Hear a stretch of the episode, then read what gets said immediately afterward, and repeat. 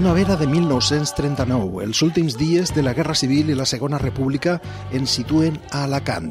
Mentre l'abans dels sublevats continua, al seu port arriben a diari centenars de persones amb l'esperança d'embarcar-se i poder salvar les seues vides.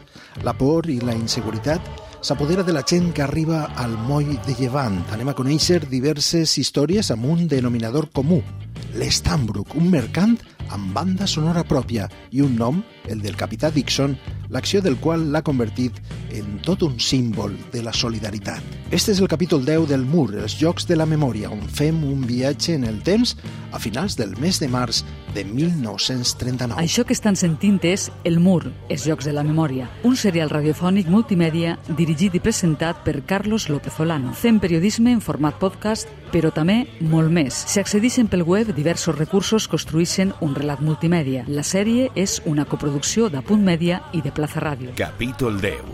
El port d'Alacant. L'últim viatge a bord de l'Estambrook.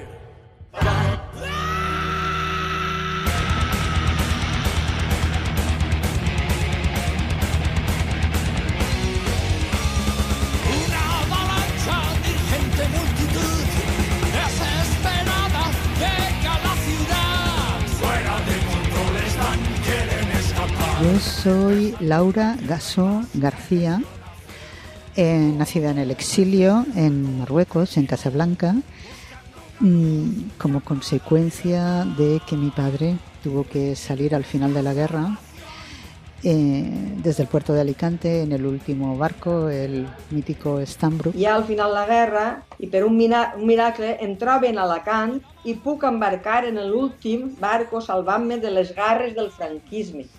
Això m'ho escriu ell a mi. I quan arriba a dalt, el, el capità, jo anava als braços de, de mon pare i, i el capità me va, me va traure al seu, els seus braços, me va donar un beset i luego me va col·locar en el barco. El Bestambro va ser l'últim que va eixir i allí anava Granell.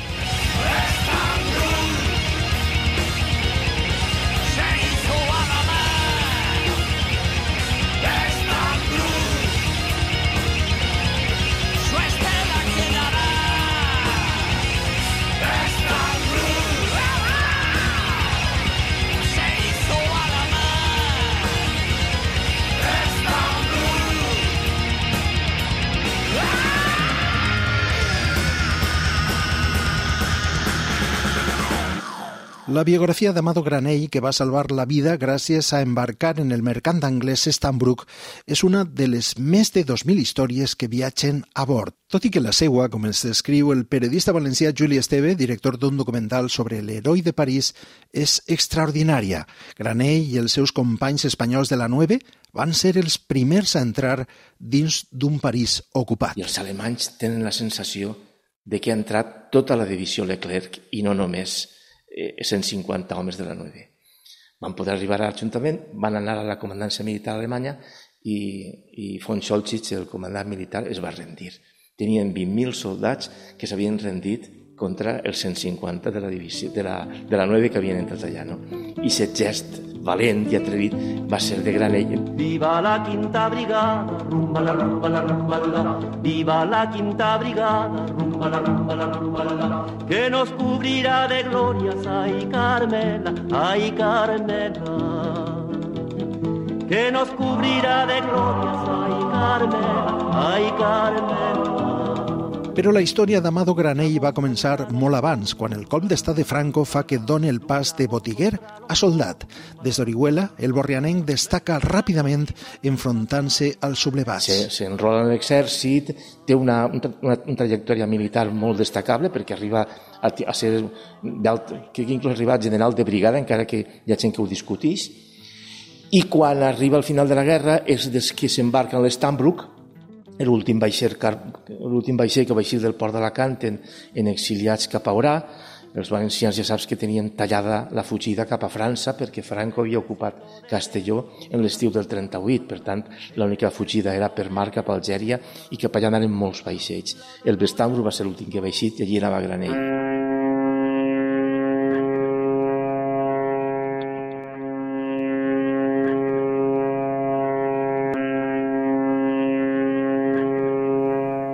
Gassó, coautora del llibre Operació Stambrook, el nom d'este barco és també part de la història de la família.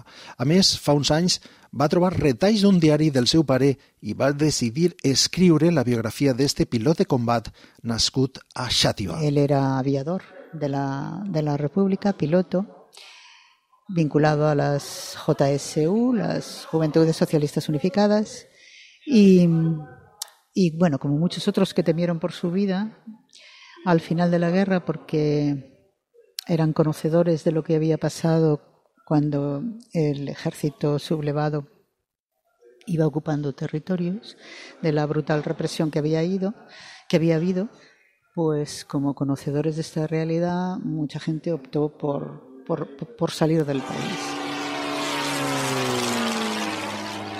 En Diario de Gaskin, l'escriptora descriu i recorre la vida d'Antonio Gassó.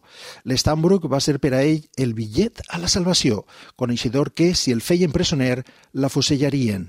L'eixida pel port d'Alacant, on s'havia escampat la veu que hi havia barcos esperant, era l'única opció en aquells dies finals. En el puerto de Alicante habían miles de personas. El Stambrook era un barco muy pequeño, un carguero inglés. Para que se haga la gente una idea, tenía solo dos letrinas y consiguieron subir allí 3.018, 16 personas. ¿eh? 3.016 personas, según consta en un acta del Partido Socialista de Orán. Republicana en la esencia que habita en su casa, heredera de la sangre de mi tierra, amamantándonos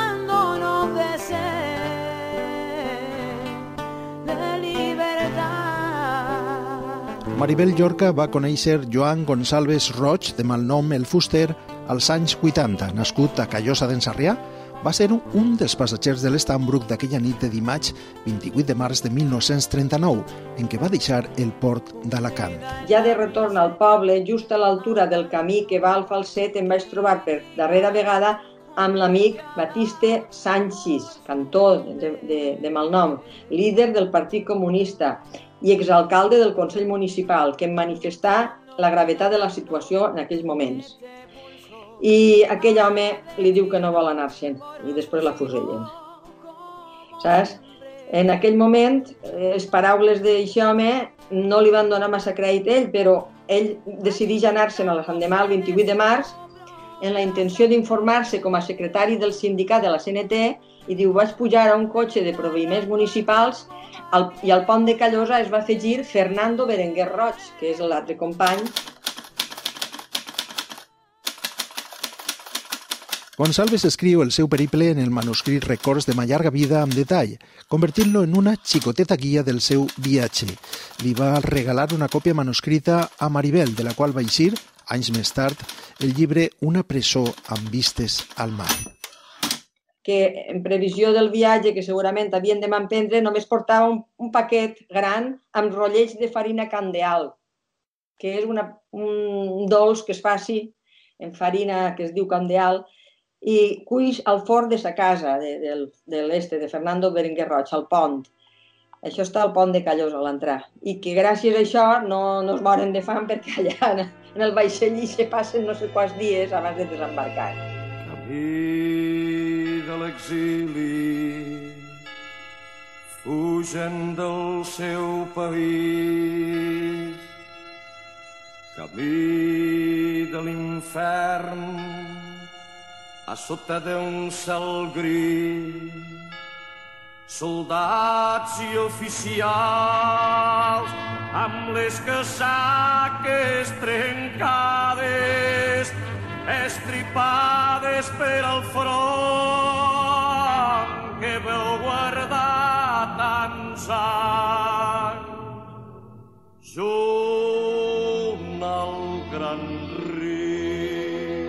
La història de la família González Beltrán és una de les més conegudes de l'Estambrook. Des d'ells van arribar al port d'Alacant i al barco. Anaven la mare, el pare i dos xiquetes de 3 i 6 anys, Alicia i Elia. Les dues germanes es van encarregar anys després de deixar-ho tot ben escrit en el llibre des de l'altra orilla. Arribem corrent, però corrent eh, sense respiració. Estàvem molt junts. L'estació de tren de, de l'època era molt del, port. I allí estiguérem pues, esperant molt de rato hasta poder pujar al barco, però molt de rato.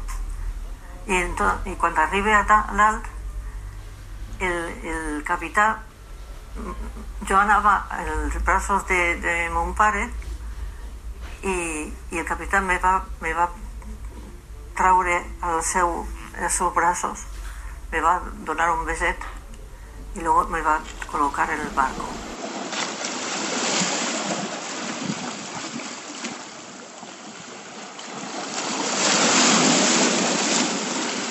Elia ens va deixar el novembre de 2018. Recuperem les seues paraules d'una de les últimes entrevistes que li va fer el periodista valencià Vicent García de Vis per a Punt. Després d'una dècada d'exili al nord d'Àfrica, la família González va poder tornar a Elx. Amb ella se n'ha anat una de les últimes passatgeres del mercant britànic comandat per galès Archibald Dixon, l'home que va permetre que vora 3.000 persones salvaren la vida a última hora. Va ser precisament Elia la que va lluitar perquè la seva figura i xer solidari no s'oblide. A mí ese capitán, para, para mí era no, la nuestra salvación. Es que para mí era eso. Y mira, le, le tengo tan de, tan de cariño, es, es cariño. Es como si fuera de la misma familia. Luego va a ser todo lo que pude per fer-li un allí en, en el port. Primer se va fer una cosa per l'Estambrook, però ara ja s'ha fet per, per a ell. La medianoche ordena el capitán, levanten vamos a zarpar. El el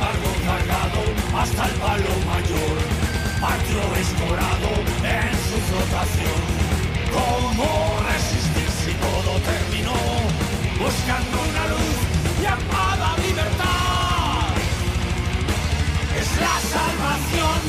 Yo recibí un, messenger hace años en el cual me decía, soy la pasajera, soy Alicia González Beltrán, pa- pasajera número tal, no recuerdo el número, del, yo tenía dos años del buque Stambrook y me encanta el proyecto que habéis hecho y esto, y a ver si nos podríamos conocer y efectivamente nos conocimos.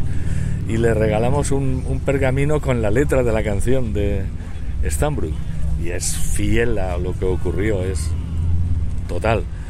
De hecho, yo llevo tatuajes por aquí. Ella me dice, verdaderamente sí que fue la salvación. Porque en la letra hay un momento de la canción que es la salvación, claro. Y verdaderamente ella nos dijo, Alfonso, sí que fue la salvación. Buah, se me pone la, la piel de gallina, ¿sabes? L'Estambrook és també el nom d'un grup de rock d'Alacant compromès en la recuperació de la memòria històrica de la ciutat. Quan estos cinc músics veterans es van ajuntar per a crear una nova formació, barallaren molts noms, però la inspiració la va tindre Alfonso Peña, el seu vocalista. Llega, llega un día en que a mí me regalan un libro por mi cumpleaños, me regalan un libro de lo que te comentaba, de, de este autor valenciano Paco Roca, un libro de cómics, Los surcos de- del azar. Y ahí vimos, eh, habla sobre historias de la guerra civil y sobre todo en, en la comunidad valenciana o en Alicante concretamente. Y sale una foto de un, de un barco con un nombre que se llama Stambrook. Digo, coño, si este fue el barco que, que zarpó del puerto el 28 de marzo este del 39, za- zarpó del puerto de Alicante y, y ya los finales de la guerra civil. Y el nombre, el nombre tiene caña y el nombre es un nombre potente y eh, auténtico, Stambrook.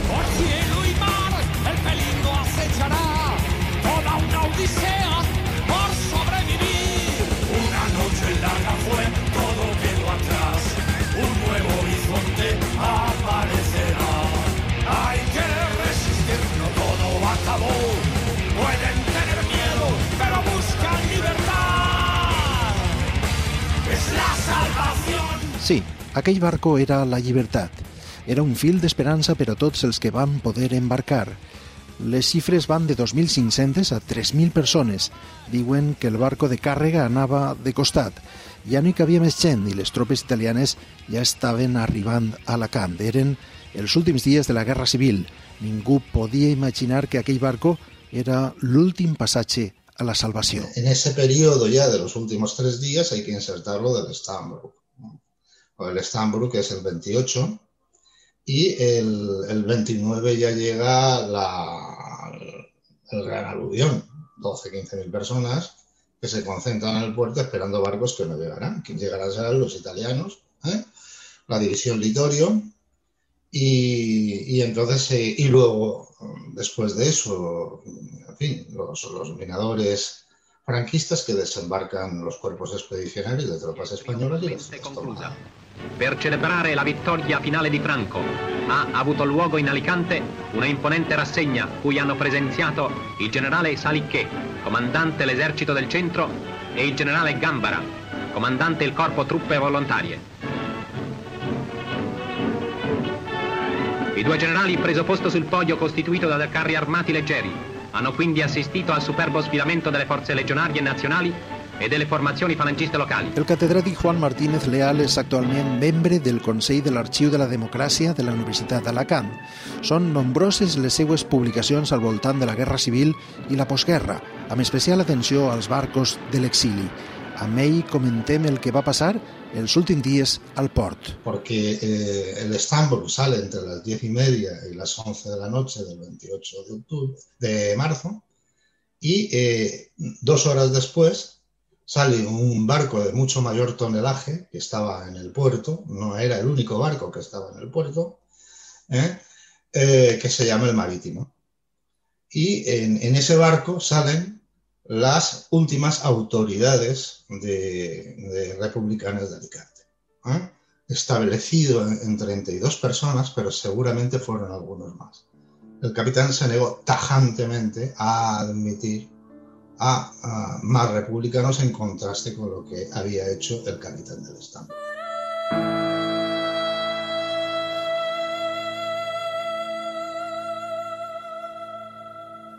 Martínez Leal ens conta el dramatisme que es va viure al moll de llevant d'eixe dia.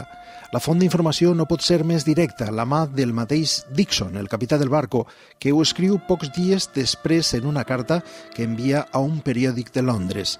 Gent per totes bandes, les bodegues, sentines, el castell i de popa a proa. Pero claro, las palabras no pueden transmitir realmente el dramatismo de la situación. Porque eran personas que habían perdido una guerra, que llegaban agotadas, que llegaban con todos los fardos habidos y por haber, que se tuvieron que desprender la mayoría de, de, de ellos, que se, que se separaban de sus familiares más queridos, de su tierra, de su trabajo. ¿eh? Eh, entonces, esas personas son las que eh, son es el símbolo de la, de, del drama del refugiado y es lo que realmente hace que, la tarea, que, que esa decisión fundamental del capitán eh, tenga el, el, alcance histórico, simbólico que tiene. He puesto sobre mi mesa todas las banderas rotas, las que no rompió la vida, la lluvia y la ventolera de nuestra dura derrota. Ens desplacem ara fins a Elx per entrevistar a Miguel Ors, de la Universitat Miguel Hernández. Ella ha estudiat amb deteniment els registres oficials i ha entrevistat centenars de testimonis directes. Bueno, primero hablamos de, de cifras y hablamos, y la cifra que se ha manejado siempre es entre 15.000, 20.000 personas que desde todos los frentes eh, republicanos vienen a, Alicante porque se, ha dicho que en Alicante hay, hay, hay, eh, hay barcos que podrán, eh, con los que se podrá salir al exilio. ¿no? De tal manera que, por ejemplo, el Stambrook es, es un barco que se lleva a 3.000 personas, básicamente alicantinos. El professor Ors ens facilita la xifra de passatgers a bord del barco de càrrega britànic, vora 3.000 persones, sobre un llistat oficial que arriba a 2.638. Martínez Leal ens dona la data de l'eixida, entre les 10 i les 11 de la nit del 28 de març de 1939.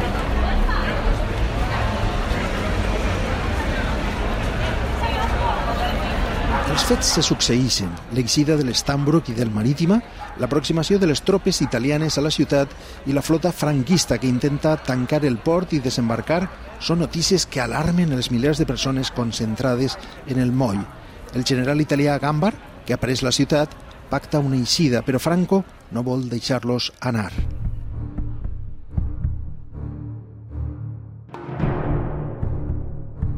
Claro, ¿qué pasó con todos los que venían eh, a, Alicante? Que ya no, ya no hubo barcos. El Stambrook fue el último barco eh, importante a la hora de, contabilizar exiliados, ¿no? en torno a 3.000. ¿no? Eh, y se encontraron, se encontraron con que ya no había barcos y por tanto se, se convirtió aquello en un lugar, por ejemplo, se habla de los suicidios del puerto. ¿no? Eh, bueno, yo, yo eh, mi punto de vista es el siguiente, y he, visto el registro civil de Alicante y el registro del cementerio. ¿no? Hay suicidios. El problema, y hay tres, cuatro, cinco, seis eh, suicidios, pero no hay una caterva de, suicidios. El problema es que 15.000 personas, cuando, cuando uno se pega un tiro en la cabeza, eso provoca una sensación de, delirio en, el conjunto. De, parece que, que, que hay un montón más de, gente suicidada. ¿no?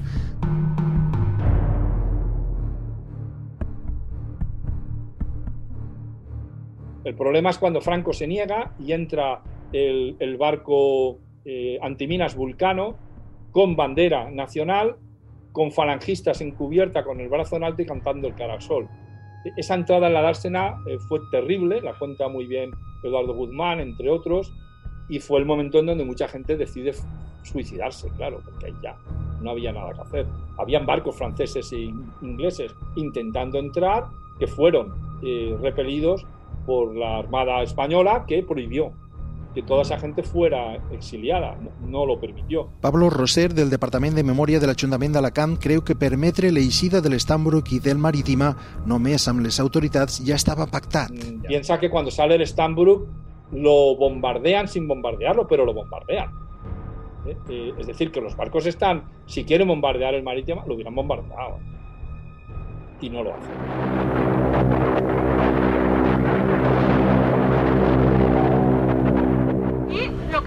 Fue intentar salir, su idea era llevárselo a las Baleares y lo que pasa que también lo estaban forzando lo que son los cargueros. estaba aquí el buque Canarias, el Canarias de los nacionales de Franco y luego también vienen a su, en su ayuda vienen buques británicos. Gracias a los buques británicos y a que el capitán Dixon eh, navega en zigzag, consigue salir del puerto de Alicante y aunque su destino era Baleares, termina en Oran. Ula Jiménez és guia de turisme a Alacant. Un dels recorreguts dels grups de visita és la ciutat en temps de guerra. El final de la ruta és el Moll de Llevant, el mateix escenari de l'eixida de l'Estambrook l'any 39 i el lloc on avui hi ha un bust que recorda el capità Dixon i la seva gesta solidària. 22 hores de travesía, eh, prácticamente sin comida, sin bebida, porque no lleva, él no llevaba tampoco para, para darle. Y cuando llega a Orán, no consigue descargar. A los dos días descargan mujeres, niños, enfermos y heridos. Esos descargan.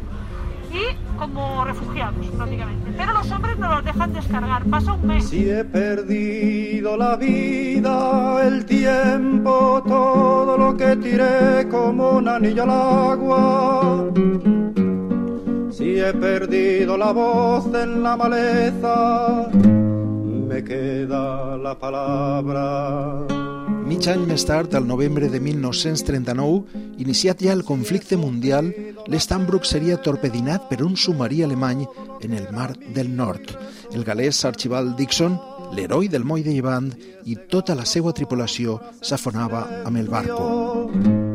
Me queda la palabra la ciutat i sobretot el port d'Alacant va ser l'últim i més cruent escenari de la Guerra Civil Espanyola. L'1 d'abril es faria públic el comunicat que la guerra s'havia acabat, però per a molta gent l'infern de l'exili continuaria a l'altra vora del Mediterrani. Lo libera no, se los lleva a campos de concentración, bueno, a campos de trabajo, que no dejan de ser campos de concentración y muchos de ellos terminan eh, lo que es eh, trabajando en la transahariana. Por el que se salva, se salva, que no se salva, no se salva. Acaben d'escoltar el capítol 10 de El Mur, els Jocs de la Memòria, on hem viscut els últims dies de la Guerra Civil en el port d'Alacant. És un podcast multimèdia dirigit i presentat per Carlos López Olano, amb accés per les zones de ràdio i també amb una versió enriquida amb diversos recursos per web i xarxes. En els reportatges han treballat Eduard Torres en la redacció, en l'edició, la realització sonora i la locució, Miguel Coll, en el disseny visual, Sergio Formoso, i en la locució, Lola Banyón. En breu, el capítol 11, Els sorts de picanya i els xiquets de la guerra. Este programa és una coproducció entre Apum Media i Plaza Radio.